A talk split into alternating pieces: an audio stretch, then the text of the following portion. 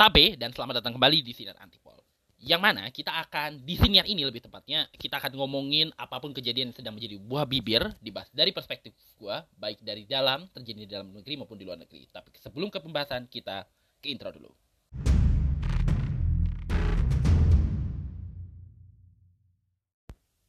Kali ini kita akan ngomongin tentang satu isu panas yang akan kita bahas di episode kali ini. Jadi uh, ini mulainya dari dari mana ya? Jadi uh, kan kita udah mulai sekarang kan saat ini ini direkam ya uh, kita udah mulai memasuki masa kampanye pilpres 2024. Nah yang namanya kampanye pilpres seperti tahun-tahun sebelumnya bahkan mungkin sejak bermulanya pemilihan presiden diadakan pertama kali tahun 2004 20 tahun yang lalu kira-kira ya ini 2024 nanti yang akan berlangsung debat. Setiap pemilihan presiden akan selalu ada diiringi dengan debat antar kandidat. Uh, jadi setiap kandidat uh, para kandidat yang maju di pilpres itu akan beradu strategi beradu gagasan Eh, mempertarungkan uh, apa yang menjadi ide dan prioritas mereka kalau misalnya mereka terpilih.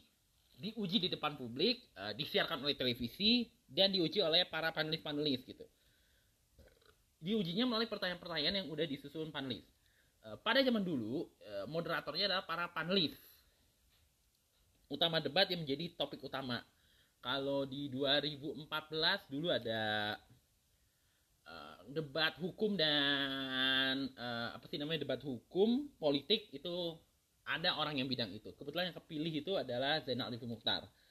Terusnya dulu waktu debat apa sih namanya tuh debat paslon juga kah? Tapi intinya debat itu tentang ekonomi orang ekonomi. Debat uh, tentang hubungan internasional dan pertahanan ahli hubungan internasional waktu itu Pak Hikmahanto Yuwana yang jadi moderatornya. Gue inget banget karena gue ngikutin debatnya uh, dan seterusnya itu para uh, panelis nah sejak pilkada 2017 di mana uh, penonton nampaknya lebih tertarik uh, dengerin lebih tertarik dengan panelisnya daripada calonnya saking panasnya pilkada saat itu konsepnya berubah tuh dan akhirnya juga di copy paste di pilpres berikutnya uh, ya agak mirip-mirip dengan di Amerika. Kalau lu tahu uh, pemilu Amerika Serikat itu selalu akan ada the uh, presidential debate. Jadi para capres uh, itu akan debat uh, beradu argumentasi gagasan dan segala macamnya di mana ada seorang panelis dan ada dua calon. Konsep ini pernah dipakai sama Mata Najwa waktu itu. Uh, waktu itu uh, Pilkada Jakarta waktu itu uh, di putaran kedua gue inget banget karena kan gue juga ngikutin uh, banget pilkada ini uh, dari sisi sebagai pendukung Anis Sandi ketika itu uh, di mana Najwa Shihab uh, mengajukan berbagai pertanyaan-pertanyaan yang uh, konsepnya memang mirip banget dengan yang di Amerika sana. Nah, di Indonesia konsepnya memang nggak um, sebenarnya baku, cuma mulai ada perubahan yang memang agak mengarah ke situ. Uh, ada panelis dari seorang presenter gitu ya, presenter atau orang media gitu dan para calon. Pertanyaannya disusun oleh par, uh, oleh tim panelis, tim panel yang dari berbagai bidang yang diangkat jadi tema debat dan diper, ditanyakan langsung oleh si panelis, uh, si moderator debat. Uh, yang mana moderator debat di salah satu yang paling terkenal tuh 2017 itu ada si Ira Kusno. Nah, itu dia. Bahkan orang pada bilang kalau gue suruh gue lebih suka Ira favoritin Ira Kusno daripada caw, cakup cawagupnya. Nah, itu dia salah satu yang cukup populer. Termasuk juga pilkada Jabar saat itu juga kayak gitu. Salah satu momen yang paling gue suka dari debat pilkada Jabar itu yang yang baju itu loh, yang ganti presiden itu loh. Dan akhirnya seterusnya dan seterusnya. Nah, memasuki 2024 di mana ada tiga pasang, ada Amin, Anies Muhaimin, ada eh, gue nyebutnya apa Prabu atau Pragib ya Prabowo Gibran, yang satu adalah Gama Ganjar Mahfud. Nah, uh, akhirnya diadakan debat lagi dengan format yang kembali ke format awal dengan sedikit pengubahan. Uh, sedikit pengubahannya adalah uh, kembali ke format awal seperti sebelum 2014-2019 yaitu uh, tiga kali debat capres dan dua kali debat cawapres. Nah, ada sedikit perubahan, tapi dengan beberapa pengubahan. Salah satunya adalah soal porsi bicara si calon. Debat uh, capres yang mendapat uh, dua yang mana intinya Nah ini yang akhirnya jadi uh, ribut. Jadi awal mulanya tuh KPU mengumumkan debat capres, cawapres yang ditujukan untuk mem uh, mengenalkan kepada publik gagasan-gagasan, uh, ide-ide ataupun istilahnya uh, argumentasi para calon tentang bagaimana mereka mengargumentasikan, menarasikan tawaran-tawaran mereka untuk Indonesia ke depan kepada para pemilih. Karena dia disiarkan oleh televisi, maka sudah barang tentu hampir semua masyarakat pasti bisa akan menyaksikan debat ini. Terutama kalangan grassroots. Kal uh, kalau diskusi-diskusi kayak sekarang ya, kayak uh, kayak kemarin sempat dibikin Mata Najwa di UGM, terus diskusinya Muhammadiyah juga pernah sempat bikin juga. Itu kebanyakannya, kebanyakannya itu disiarkan di live streaming uh, Muhammadiyah memang ada TV khusus, TV komunitas mereka sendiri, TV Muhammadiyah. Tapi kebanyakannya itu disiarkan di live stream. Termasuk yang dibikin Idea Fest, termasuk yang dibikin FPCI, ya. Uh, termasuk juga waktu itu uh, siapa? Akbar Faisal, podcastnya juga bikin acara di Makassar. Uh, tapi yang nonton uh, siarannya tuh online nggak semua masyarakat itu bisa nonton full uh, adu gagasannya para capres. Nah, sedangkan debat televisi hampir pasti semua masyarakat mengakses kan, semua orang punya TV kan. Entah setelah peralihan ke siaran digital ya.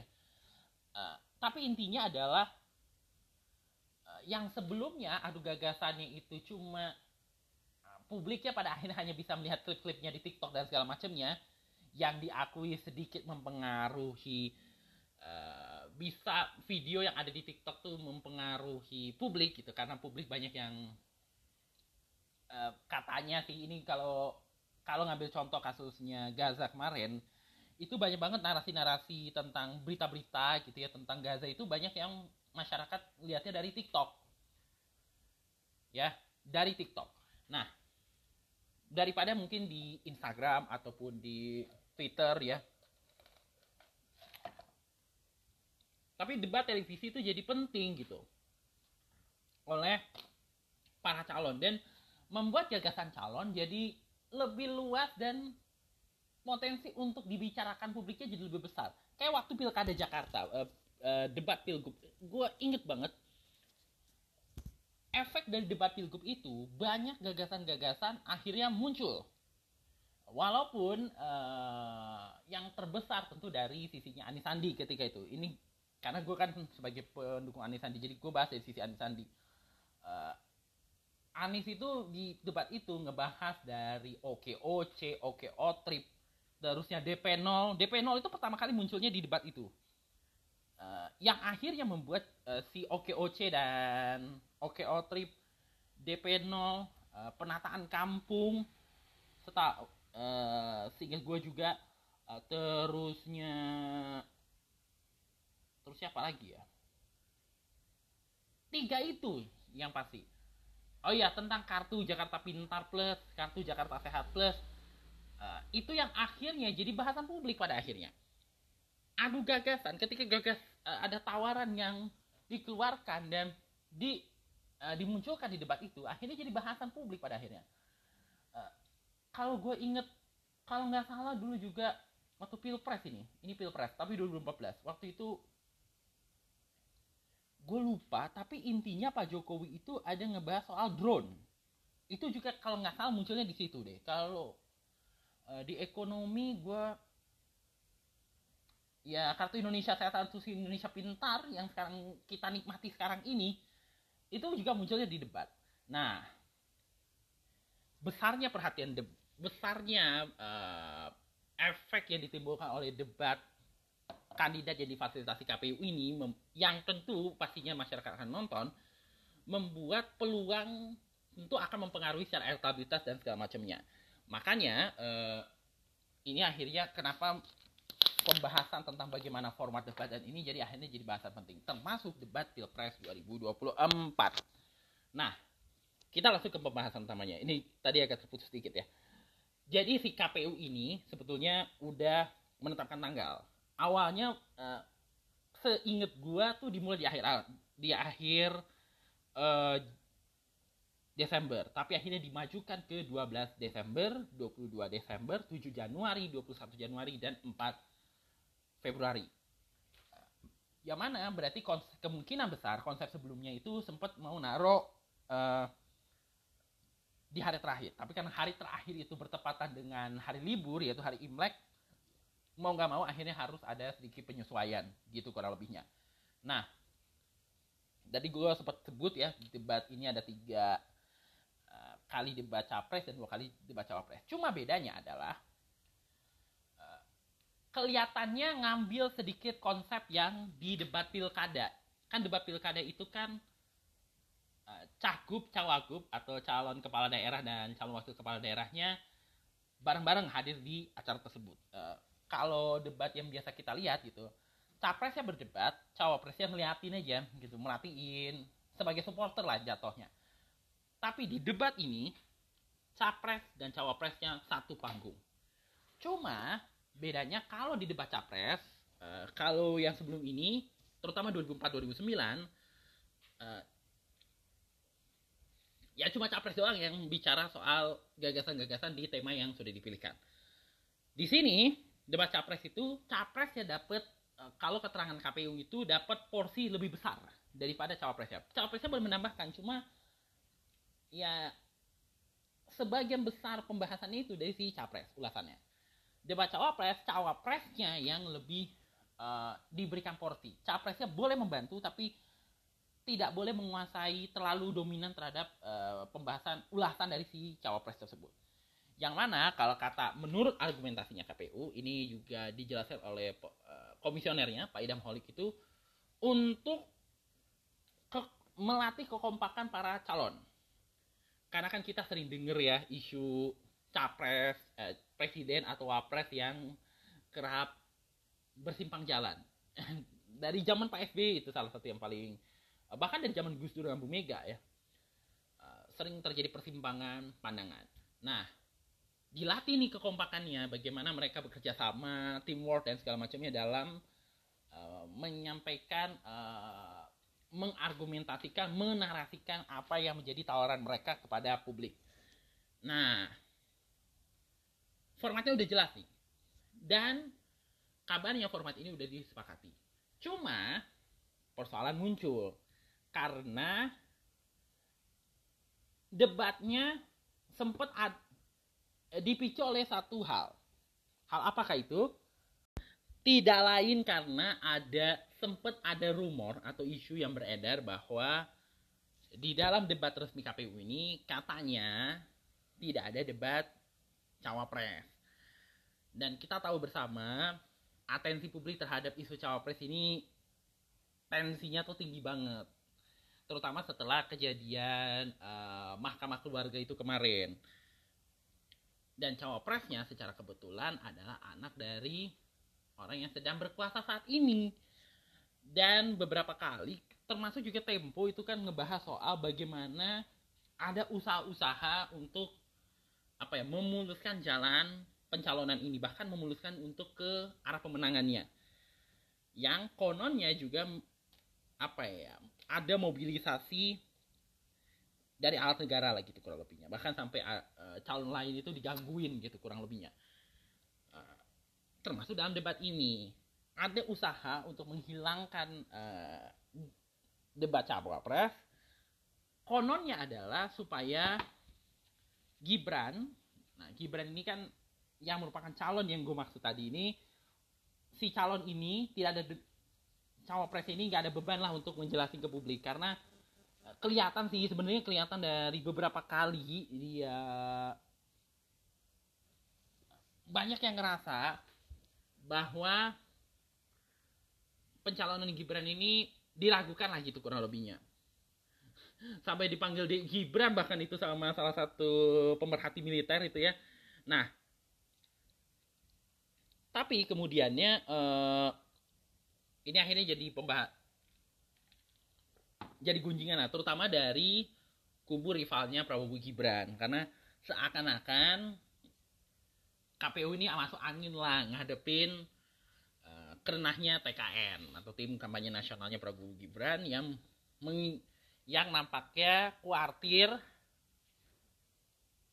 kelihatannya kuartir bahwa debat kalau misalnya debat cawapres ini terjadi mereka yang limbung karena tentu Gibran bakal bakal habis nih kalau debat. Karena karena kalau kita berkaca pada pengalaman ya di pilkada Jakarta kan muncul satu calon tuh si Agus Yudhoyono. Agus Yudhoyono ini pangkatnya mayor. Dan belum ada pengalaman sama sekali bicara soal perkotaan. Walaupun cawap uh, cawagupnya saat itu orang yang cukup memahami perkotaan tetapi karena dia ini munculnya tiba-tiba dan cenderung dipaksakan ketika debat ini orang limbung pada akhirnya menghadapi BTP yang jelas-jelas soal petahana, petahana dan Anies Baswedan yang memang ide man gitu ya. Eh, banyak idenya gini ini orang gitu. Eh, ketika aspirasi muncul maka gagasannya muncul gitu yang didasarkan oleh aspirasi publik. Nah kejadian yang sama sekarang lagi terjadi sama Gibran. Walaupun capresnya adalah bisa dibilang eh, setidaknya sudah punya pengalaman sebagai menteri tetapi karena prosesnya tidak munasabah ditambah dianya juga belum tiga tahun gitu ya berpolitik dan bahkan juga dia lulusan ada fakta yang nggak bisa ditutupi bahwa dia lulusan luar negeri yang tidak ada pengalaman organisasi tentu ini mengkhawatirkan bagi sisi TKN walaupun secara suara mereka mencalonkan pencalonan Gibran ini kan salah satu adalah bagian dari menarik upaya Prabowo untuk ya melunaskan cita-cita politiknya kan jadi presiden. Dan itu kan dijelas udah jelas pernah ada yang bilang bahwa udah ada bukti uh, laporan yang menyebut uh, beritanya ada kok yang mengatakan bahwa memimpin dia ingin memimpin Indonesia gitu. Dan itu cita-cita dia gitu sejak kecil bahkan. Uh, gue bahkan punya artikel berkaitan dengan itu. Dan sebagai orang yang meyakini bahwa termasuk yang meyakini bahwa cita-cita harus dicapai dengan cara apa pun bahwa ad, orang kalau udah bercita-cita pasti akan menempuh jalan apa pun gitu ya. Ini yang akhirnya mungkin ditempuh uh, yang dilakukan Prabowo ini bisa kita pahami sebagai upaya untuk mencapai cita-cita itu. Walaupun caranya ya mungkin melangkahi hal yang uh, kan mencapai cita-cita kan bisa dengan menghalalkan segala cara ya gitu kurang lebihnya. Nah ada kekhawatiran lah kira-kira gitu. Jadi mereka berusaha menang dengan cara-cara yang mereka anggap populis gitu tapi mereka sukar untuk diajak diskusi. Bahkan diskusinya Muhammadiyah pun itu pun diomongin secara terbuka loh sama orang Muhammadiyahnya. Itu Twitter sempat ramai itu sempat lewat di feed gua. Dari Abdul Muti Abdul Muti Abdul Muti. Abdul Muti ini adalah uh, petinggi Muhammadiyah yang bilang bahwa untuk debat uh, capres sesi Japa Prabowo hanya akan dihadiri oleh Prabowo saja, sedangkan Gibran tidak dapat hadir dalam debat itu. Sangat disayangkan sekali. Tweetnya sempat ramai juga. Terusnya dalam beberapa kesempatan juga dari sisi Prabowo juga nggak ada satupun yang hadir. Bahkan di salah satu diskusi itu yang hadir cuma Caimin. ada tuh Terus ada yang narasi kayak gini kurang lebihnya. Padahal kita lagi nungguin Pak Prabowo loh, kok yang datang Caimin gitu. Nah, dan sebagainya. Nah, bahkan yang di acaranya IDN yang hadir cuma Caimin doang itu cawapres. Lucu banget. Bahkan barusan gue lihat di TV One ada acara sesi uh, obrolan alata cawapres. TV One dimiliki oleh salah satu orang yang juga penyokongnya Prabowo. Tapi cawapresnya dari dari partai yang kebetulan uh, pemiliknya adalah penyokong ini nggak dateng. Aneh kan? Harusnya dateng dong gitu. Harusnya mau dong dateng gitu. Ya kali nggak nggak dateng ke acara tuan rumah gitu. Ini di home gitu. Home base gitu. Bukan away base gitu laganya. Tapi ya udahlah ya. Nah rame kan soal nah intinya si debat cawapres ini mau dihilangkan lah gitu. Terus rame kan pembahasan ini sampai akhirnya si KPU ya tadi klarifikasinya seperti yang tadi gue jelasin gitu ya. Bahwa debat cawapresnya tidak hilang tapi cuma memang konsepnya adalah pasangan harus dua-duanya capres cawapres itu harus hadir dari tiga uh, tiga kutub ini. Dan cuma perbedaannya ada di porsi gitu porsi bicaranya. Jadi capres cawapres ya datang debat kalau debatnya capres berarti yang ngomong lebih banyak adalah capresnya. Debat cawapres si cawapresnya lebih banyak ngomong. Tujuannya adalah kekompakan. Nah setelah ramai ini terus dari sisi Prabowo Gibran muncul uh, mencoba memainkan sesuatu yang terus ya akhirnya gue sempat nge-tweet nih nge-tweet. Padahal dulu sesuatu yang menurut gue aneh karena kejadian ini dulu dialami oleh calon yang mereka dukung. Apa karena mereka uh, memainkan uh, politik love hate gitu ya terhadap uh, lawan lawan yang harus digagang gitu, digonggongin gitu ya. Entah padahal dulunya dia juga menghadapi situasi seperti demikian gitu. Uh, kita tidak tahu. Tapi kemudian gue terus nge-tweet. Nge-tweetnya kira-kira kayak gini. Ada narasi nih, coba mau dimainkan lagi ini gue gue coba lihat di di Twitter ya. Ini gue lagi buka Twitter. Nah ini dia tweetnya. Yang kembali narasi playing fiktif bernama takut debat. Jangan tanda kutip kenapa nggak terus gue ngetik kayak gini kenapa nggak sekalian aja bikin tagar wae kayak zaman pilgub biar mantep narasinya jadi uh, waktu zaman pilgub Jakarta ini cerita pengalaman ya pengalaman pribadi ya. Itu tuh sempet ada kan uh, ada salah satu televisi undang paslon. Ceritanya untuk diadu argumen lagi. Cuma karena situasi pilgubnya udah panas banget di putaran kedua dari sisi Anies Sandi minta supaya konsepnya diubah. Yang mana oleh net diwujudin tuh di dipenuhi lah permintaan itu. Eh, konsepnya mata Najwa juga sebenarnya konsep santai juga itu jatuhnya. Mungkin karena Najwa juga tahu bahwa situasinya lagi agak menghangat gitu. Walaupun pembahasannya juga sempat menghangat itu gara-gara Pak Mahfud uh, menyinggung soal dia pernah jadi ketua tim sesnya Pak Prabowo. Nah terus muncullah narasi seakan-akan Anies takut debat. Padahal mereka mainkan narasi itu uh, kayak mencoba menyerang tapi nggak tahu yang diserang ini sebenarnya apa istilahnya ya yang mereka serang mereka serang ini orang yang sebenarnya nggak takut debat gitu.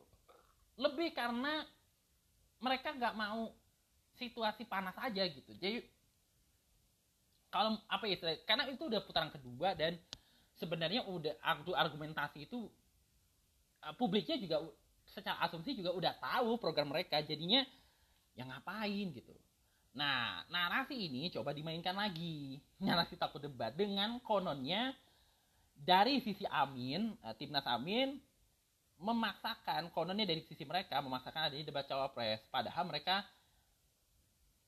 merasa pemaksaan debat cawapres ya berdasarkan uh, berita yang menyebutkan dari timnas Amin tetap ingin debat cawapres dilaksanakan ada sanggahan dong dari sisi timnas Amin. Ini gue kebetulan lagi buka ya uh, apa sih namanya uh, tweetnya. Gue pakai gue akan baca tweetnya lah gue mencet artikelnya.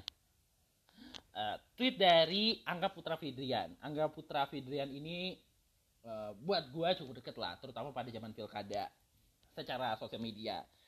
Uh, sekarang posisi dia adalah jubirnya Amin Anies Muhaimin dan dia juga adalah uh, dulu waktu zaman pilgub dia ini sering nge soal Pak Anies lah di pilkada Jakarta dan gue kalau ada masalah-masalah berkaitan Mas Anies selalu ngeliat tweetnya dia pasti ngeliat timelinenya dia silaturahmi ke timelinenya dia Nih, gue baca tweetnya ya. Ini 1 Desember, sejak tiga hari lalu udah disampaikan agar segera dibahas, mengajak tim paslon dan membuka partisipasi publik. Eh, ternyata Rabunya ada pembahasan, lalu tim paslon kirim masukan tertulis. Masukan yang formatnya sama seperti pilpres yang sebelumnya. Katanya sih mau diundang rapat lagi, tapi ternyata kononnya ya tadi yang gue bilang keputusannya udah ada dari KPU terus dia baca ini uh, terus dia melanjutin lagi tweetnya debat itu bukan hal yang bisa dikuasai instan. Kemampuan debat itu muncul karena pengalaman di forum-forum ringan sampai yang keras. Kemampuan debat dan mengambil keputusan di saat sempit itu lahir dari pengalaman bukan instan. Nah terus dia lanjut lagi besoknya uh, tweetnya. Uh, berikut adalah surat resmi yang dikirimkan timnas amin untuk debat KPU dalam masukan yang diberikan ada tentang mekanisme debat yang tetap seperti biasa. Dua pasangan dua capres dan satu cawapres. Ada paslon bisa saling menanggapi dan tema dan ini ada penjelasan juga sesuai dengan keterangan Kokapten Nihayatul Wafiro atau eh, kita sebut wakaf aja ya sebagai orang yang cukup uh, uh, sering mendengar istilah-istilah JKT ya kita sebut wakaf aja kali ya. Bu Wakaf Nihayatul Wafiro seharusnya ada diskusi lanjutan. Uh, itu tadi ya yang tadi gue bilang udah ada keputusannya uh, tentang debat KPU ini oleh tim paslon. Namun tanggal 1 Desember saat tim paslon diminta masukan ya ternyata di hari yang sama diputuskan. Uh, berikut adalah keterangan dari co-captain Nihayatul Wafiro peserta FGD debat KPU yang juga dimuatkan dalam uh, tweet ini. Terus ini gue bacain aja kali ya po poin pentingnya. Satu yang diusulkan timnas Amin adalah kehadiran dalam lokasi bukan terlibat dalam debat. Dua, tim paslon dua mengusulkan hanya penjabaran visi dan misi bukan adu gagasan antar capres cawapres. Tiga, tim paslon satu dan tiga, apa berarti Amin dan Gama menolak usulan paslon dua. Terus dia bilang lebih sulit kampanye ketua OSIS daripada kampanye capres kalau debat hanya pemaparan visi dan misi bukan adu gagasan. Nah, jadi di satu sisi dari sisinya nomor dua ngerasa Amin ini kayak memaksakan supaya ada debat gitu. Yang kelihatannya ini adalah nyari alasan lah gitu kurang lebih ya. Atau ya seperti yang gue curigai mungkin playing victim nama si playing victim. Playing victim jadi seakan-akan uh, nomor satu berulah dan mereka merasa dikorbankan gitu. Karena mereka inginnya ini tapi yang diinginkan dari pihak nomor satunya sebaliknya sebaliknya dari visi nomor satu membuka istilahnya buka kartu lah bahwa ternyata itu bukan bukan kami yang ngusulin debat cawapres. Memang ada formatnya seperti itu dari KPU cuma mereka punya konsep sendiri yang mana konsepnya adalah pemaparan visi dan misi gitu kurang lebihnya. Ya kami tolak dong karena kami uh, istilahnya ingin hal lain gitu yang karena de, ya yang mana argumentasinya timnas Amin bisa dipahami karena ya tadi itu bilang kalau pemaparannya visi misi publik itu nggak akan tahu sebenarnya apa posisi sebenarnya ya menurut gua bagaimana mungkin publik tuh memilih seorang calon seorang uh, apa ya kandidat gitu membanding-bandingkan uh, tawaran kandidat satu dengan kandidat lainnya bagaimana uh, melihat uh, baik buruk plus minus capres cawapres gitu ya dalam baik secara uh, komunikasi bagaimana cara dia menyampaikan uh, menarasikan gagasannya bagaimana dia berinteraksi gitu. Kalau formatnya sekiranya formatnya nomor dua itu diterima debat itu membuat publik tahu bagaimana uh, bagaimana cara para calon itu menilai gagasan pihak lain, uh, menggugatnya, mengulitinya, terusnya si si calon yang satu gitu ya menguliti dan segala macamnya, menyampaikan terus dikulitin sama calon lain, terus ditanggapin lagi sama calon lain. Termasuk kalau misalnya dari pihak calon kalau formatnya tiga ya, berarti dua-duanya bisa punya potensi untuk menguliti calon satunya. Dan sebaliknya. Dan di situ akan ada argumentasi adu argumen dan segala macamnya di mana publik bisa menilai gitu. Bagaimana nih pro, uh, gagasan orang ini terhadap misalnya tentang isu keamanan soal uh, isu uh, kestabilan politik gitu. Kepastian hukum atau misalnya soal pertumbuhan ekonomi program kesejahteraan rakyat dan sebagainya. Kalau cuma dengan format visi misi itu akan sulit. Dan orang jadi kayak uh, malah jadi cenderung kucing dalam karung gitu. Ngelihat berdasarkan kemenarikan aja gitu. Padahal kan milih calon itu bukan hanya uh, karena gantengnya bukan karena kecerdasan dan segala macamnya. Semua orang pasti cerdas. Anies Baswedan kurang cerdas apa soalnya juga gelarannya aja udah lumayan. Uh, Prabowo oke okay lah gitu. Mas Ganjar not bad gitu. Pak Mahfud kurang apa. Tapi yang dilihat bagaimana sikap dan pendirian standing dia terhadap isu tersebut. Makanya debat itu jadi penting sekali. Kalau orang cuma maunya uh, publiknya ngelihat dia berdasarkan apa yang apa sih istilahnya yang dia suka aja tanpa tahu apa isi kepalanya apa isi uh, otaknya apa yang dia lihat terhadap gagasan pihak lain akan sulit gitu. Makanya omongan Mas Anies tuh bisa dipahami tau. Sering-seringlah berdiskusi supaya nggak gagap kalau diajak ngobrol oleh pihak lain nah memang dia harus diakui dari memang ada upaya apa ya mempermainkan publik gitu dengan menggunakan pendekatan-pendekatan uh, populisme bahwa kegarangan atau emosional itu sebenarnya adalah hal yang paling tegas dan segala macamnya. Praktik yang sebenarnya sudah terjadi waktu di Amerika Serikat dan uh,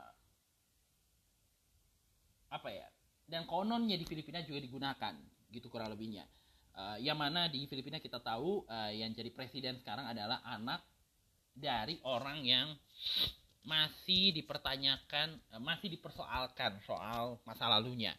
Nah, walaupun ya di negara lain sih penilaian biasa-biasa aja gitu terhadap yang bersangkutan ya.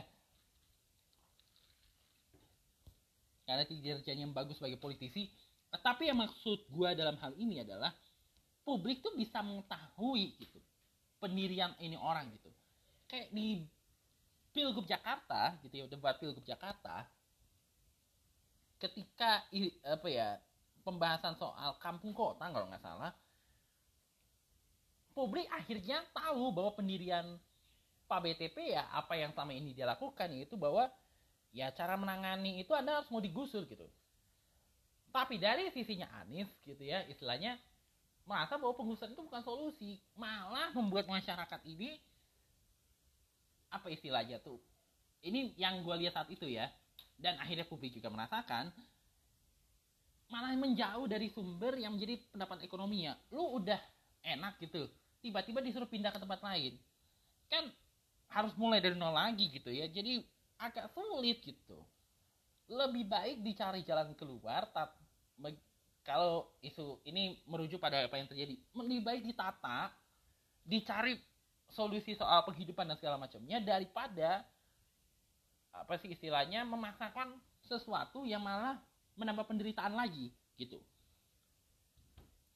Nah, dari debat itu publik tahu pendirian orang-orang ini gitu terhadap uh, apa ya terhadap berbagai kebijakan yang kalau kita contoh dari isu penggusuran tadi kalau misalnya misalnya BTP saat itu terpilih lagi, mungkin cara itu masih digunakan dan akan menimbulkan masalah-masalah dan segregasi yang lebih besar gitu. Yang akhirnya pada saat Anies yang kemudian Anies terpilih ya di pilgub ini ditangani walaupun dengan risiko yang dia harus dihadapi. Dan di pilpres ini jadi satu hal yang cukup menarik sih soal masalah debat ini karena uh, secara rekor debat nomor satu nomor satu nomor dua dua tiga dibandingkan di antara tiga calon ini yang paling sering datang diskusi itu yang uh, dari data semua uh, diskusi-diskusi yang diadakan oleh lembaga oleh apa sih namanya oleh baik lembaga pemikir uh, apa sih namanya NGO gitu ya atau civil society universitas dan segala macamnya termasuk juga lembaga-lembaga media dan segala macamnya yang terbanyak hadir adalah dari pasangan Amin nomor satu. Nomor duanya dari paslon nomor tiga. Nah nomor duanya paling sedikit. Tadi Mas Anies sudah sebut uh, kita sempat gue sebut ya singgung omongan Mas Anies bahwa sering-seringlah berdialog supaya lu nggak kagok. Bagaimana mungkin kita tahu pikiran ini orang pendirian ini orang kalau misalnya uh, cuma sekedar pengen nyalon aja gitu gak mau diskusi. Ingat ini pemilihan presiden loh. Bukan ajang seleksi dancer seleksi anggota cheerleader bukan. Ini uh, pemilihan di mana masyarakat menentukan siapa pemimpin yang akan membawa Indonesia ke arah yang lebih baik. Bukan seleksi untuk mencari anggota bukan audisi anggota JKT48 bukan. Ini pemilihan presiden. Ini yang lagi dipertaruhkan adalah gagasan untuk Indonesia lebih baik yang berarti setiap gagasan para calon ini akan berdampak pada kehidupan masyarakat gitu. Kalau lu istilahnya pengen enak aja gitu dengan mulus-mulus aja tanpa mau apa ya diuji gitu. Bagaimana publik mau tahu gitu. Apa ya pikiran pendirian dan segala macamnya yang tentu ketika akan sulit berharap bahwa orang ini bisa mau mendengar publik lah gitu nah ketika orang itu berdiskusi mau diuji gagasannya maka dia akan lebih sering maka kemungkinan besar ketika dia ngambil kebijakan ketika dia mengambil keputusan dia akan tahu baik buruknya di mata masyarakat itu. Bagaimana opini masyarakat terhadap kebijakan itu? Eh, bagaimana baiknya gitu. Makanya kenapa akhirnya kayak eh, contoh di Jakarta kan eh, pembangunan penataan-penataan itu melibatkan masyarakat berbagai pembangunannya. Melibatkan kolaborasi komunitas. Dari mana? Dari dialog pada dasarnya. Dan itulah kenapa gue bisa memahami eh, keributan-keributan yang muncul ini gitu. Karena pada akhirnya apa yang akan dilakukan capres ini akan dirasakan oleh masyarakat. Dan ini yang membuat setiap kebijakan itu harus dikomunikasikan kan isu terbesar eh, masalah terbesar ya dari yang Indonesia saat ini adalah banyak banget kebijakan diambil tuh tanpa memerhatikan aspirasi publik cenderung memaksakan kepentingan pribadi dan kelompok yang akhirnya menimbulkan masalah-masalah yang kita alami hari ini gitu. Nah, debat dan diskusi-diskusi uji wawasan calon ini menurut gua positif pada dasarnya. Semua tujuannya baik, bukan untuk memperburukan calon, tapi bahwa publik kalau kata Najwa Shihab itu berhak tahu apa yang akan dilakukan oleh calon ini diuji dan bahkan digugat gitu rekam jejaknya dan segala macamnya apa yang dia tawarkan dan segala macamnya dan dari rekam jejak pun juga pasti akan dilihat apakah orang ini mampu menjalankan programnya dan gagasan yang akan dibawanya dan segala macamnya. Termasuk potensi apakah nanti akan tidakkah itu akan berkonflik gitu segala macam. Kalau misalnya menjabat ah, tidak ada konflik gitu karena ya tadi soal rekam jejak dan segala macamnya. Debat itu dan diskusi itu sebenarnya baik banget untuk publik tahu bagaimana calon ini sehingga nggak salah milih dan tidak menyesal kalau terjadi sesuatu yang buruk. Jadi ini jadi sebenarnya kalau ada kandidat yang takut debat itu harus dipertanyakan dia itu nyalonnya sebenarnya buat apa. Nah bisa dipertanyakan tujuannya. Jadi menurut gua penting KPU untuk juga melihat bahwa publik itu lagi sensitif banget gitu. Karena pilpresnya yang diwarnai dengan apa yang diistilahkan sebagai drakor sehingga kehati-hatian KPU itu sangat dibutuhkan.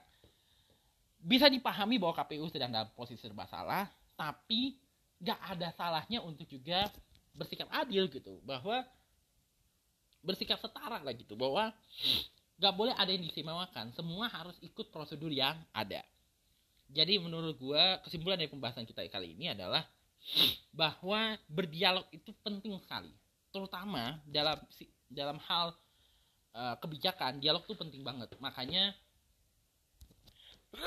jangan takut kalau misalnya ada yang mengajak berdiskusi, mengajak untuk membincangkan segala hal gitu ya yang berkaitan dengan apa yang mau ditawarkan dan apa yang akan dilakukan berdasarkan pengalaman-pengalaman yang ada.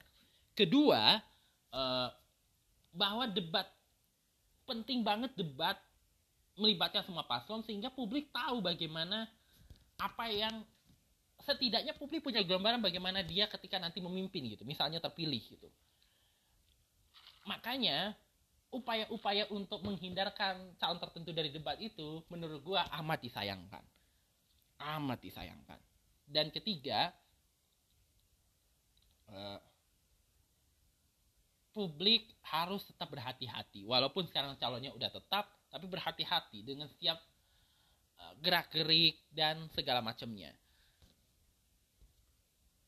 harus tahu bagaimana jangan salah pilih dan kedua adalah harus cerdas dalam memilih gitu. Jangan sampai jadi semacam kucing dalam karung lah memilihnya. Makanya menurut gua debat dan diskusi ini jadi penting. Buat publik eh, bisa membanding-bandingkan uh, tawaran capres satu dan capres lainnya, kandidat satu dan kandidat lainnya sehingga pemimpin yang dihasilkan dari pemilihan umum ini adalah pemimpin yang benar-benar membawa aspirasi publik bukan aspirasi kelompok dan uh, dirinya atau kepentingan keluarganya. Jadi itu aja sih pembahasan gue untuk episode kali ini, untuk edisi kali ini, uh, topik kali ini lebih tepatnya. Semoga ada manfaatnya. Kalau misalnya ada yang kurang, mohon dipahami karena ya boleh jadi pemikiran gue terhadap hal ini terbatas ya dan ini juga dibahas dari perspektif gue. Uh, sampai di sini dulu uh, pembahasan kita. Uh, kita tapi pastinya kita akan bertemu kembali di pembahasan-pembahasan yang lebih menarik dibahas dari perspektif gua hanya di siniar Antipol New Era.